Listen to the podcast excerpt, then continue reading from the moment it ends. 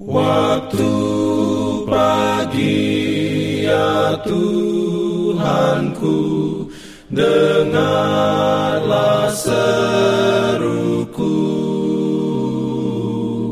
Melayang doa yang sungguh Memandang padamu. Selamat pagi pendengar Radio Advent Suara Pengharapan Mari mendengarkan suara Tuhan melalui tulisan pena inspirasi Agama yang bersinar.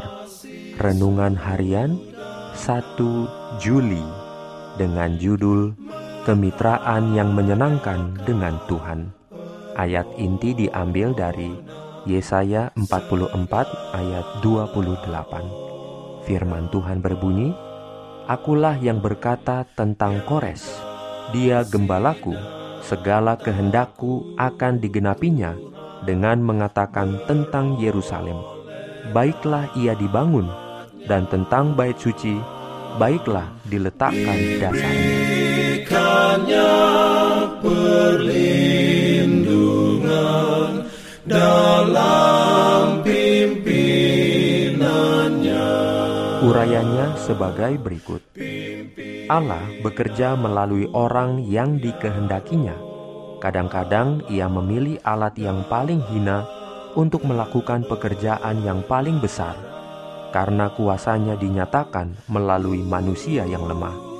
Kita mempunyai ukuran kita, dan dengan ukuran itu kita mengatakan satu hal sebagai besar dan hal yang lain sebagai kecil. Tetapi Allah tidak mengukur orang menurut ukuran kita.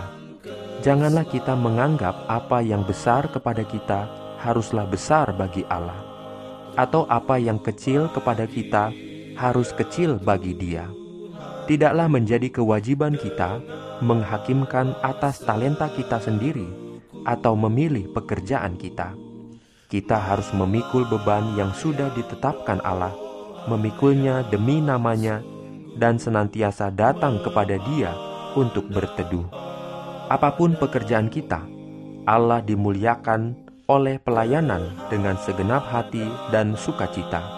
Ia berkenan bila kita menerima kewajiban kita dengan syukur, bersukacita bahwa kita dianggap berharga untuk menjadi pekerja-pekerja bersama dengan Dia.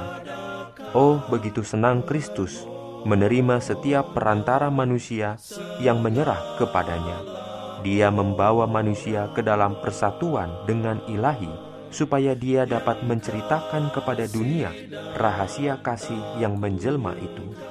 Bicarakan itu, doakan itu, nyanyikan itu, sebarluaskan pekabaran tentang kemuliaannya, dan lanjutkan terus ke daerah-daerah seberang. Amin.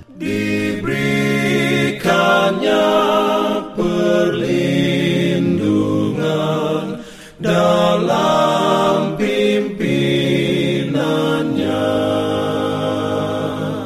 Pimpinan Jangan lupa untuk melanjutkan bacaan Alkitab sedunia.